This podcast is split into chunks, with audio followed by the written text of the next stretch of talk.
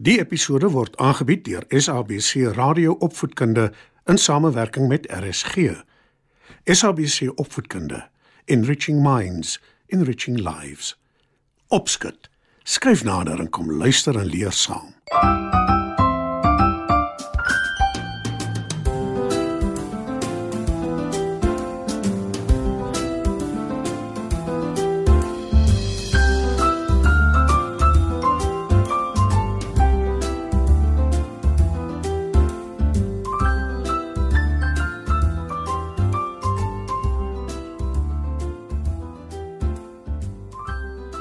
Goeienaand, maats. Welkom by nog 'n episode van Opskud. Vanaand se storie is Die Voëlverskrikker.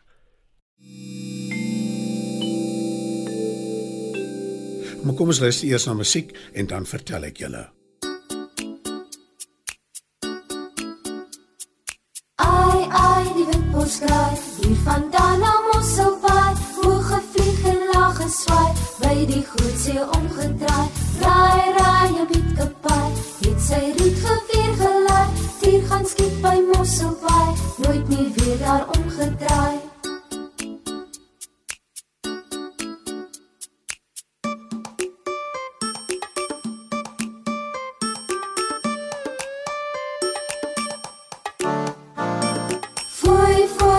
se toy het gaan kuier by 'n nooi met sy rietperd in die paai. Dadelik weer daar omgedraai ai ai die wit bos kraai. Hier vandaan na Mosselbaai. Hoog gevlieg en laag geswaai. By die groot see omgedraai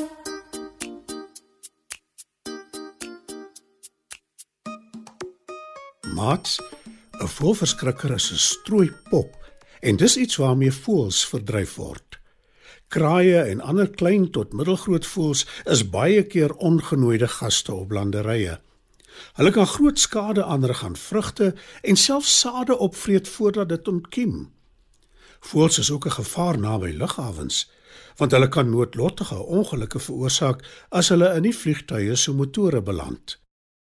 Toe hulle lank gelede vir die eerste keer gebruik is, het mense poppe ingespan, gewoonlik met uitgespreide arms en met strooi opgestop om dit soos mense te laat lyk. Party soorte voëlverskrikkers werk net tydelik. Sodra die voëls agterkom dat hulle geen gevaar inhou nie, sal hulle selfs neste bou daarin. Vanaand se storie gaan oor 'n voëlverskrikker wat moes leer om saam te werk om homself te red. Lank gelede het Thomas die voëlverskrikker in 'n landery gestaan. Hy lyk soos 'n man, maar eintlik is hy 'n strooipop met klere aan. Sy kop is 'n ou sokkerbal waarop haar twee oë, 'n neus en 'n groot mond geverf is. Hy het nie hare nie, maar die boer wat hom gemaak het, het vir Thomas een van sy ou hoedens opgesit. Sy klere is ook van die boer se ou klere, 'n broek, 'n jas met baie sakke, vasgebind met 'n gordel en 'n rooi serp. Thomas dra nie skoene nie, want hy het nie voete nie.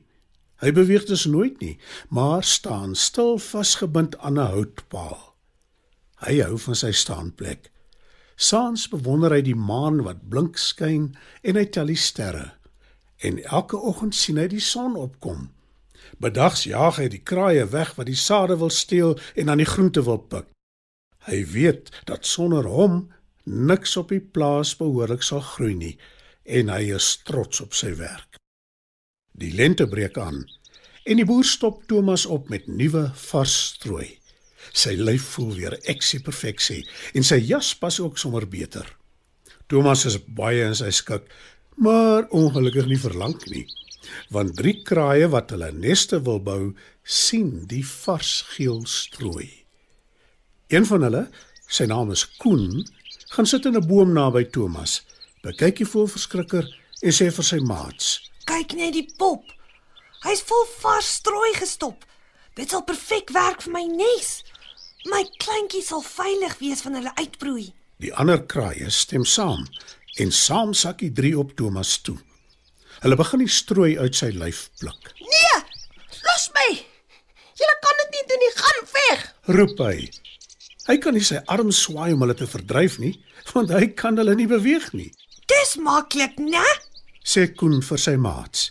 En toe vlieg hulle weg en hy roep Ons is net nou terug vir nog strooipop. en hulle bly inderdaad terugkom vir nog en nog strooi.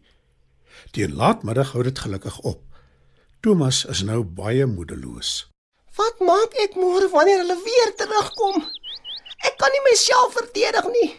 As dit so aangaan, sal daar naderhand niks oor wees van my nie. Ek is al klaar aansienlik maarder as vroeg vanoggend. Kla hy.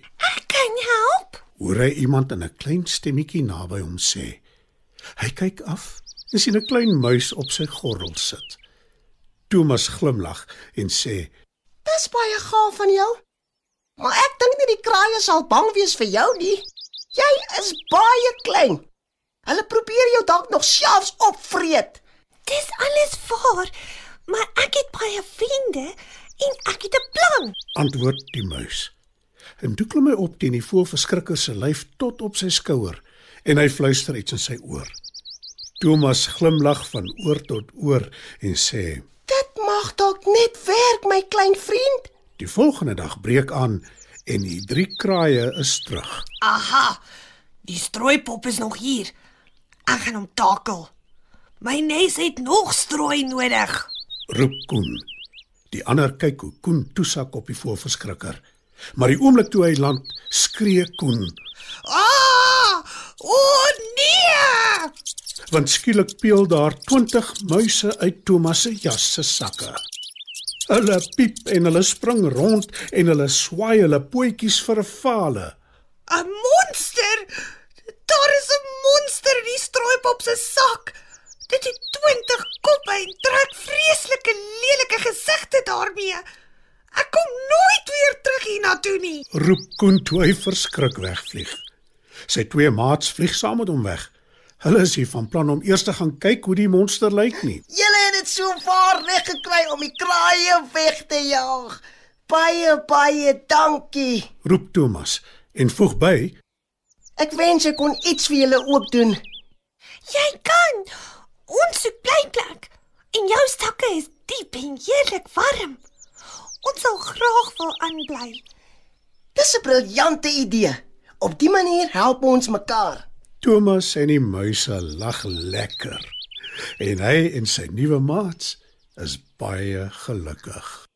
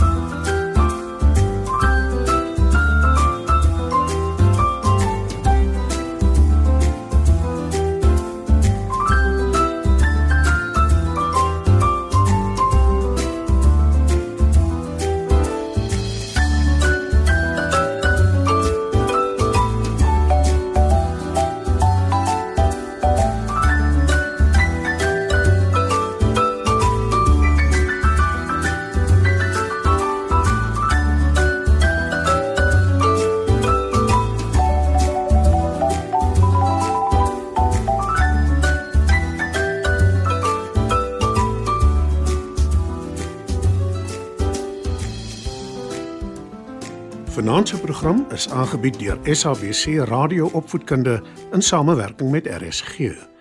SABC Opvoedkunde, enriching minds, enriching lives.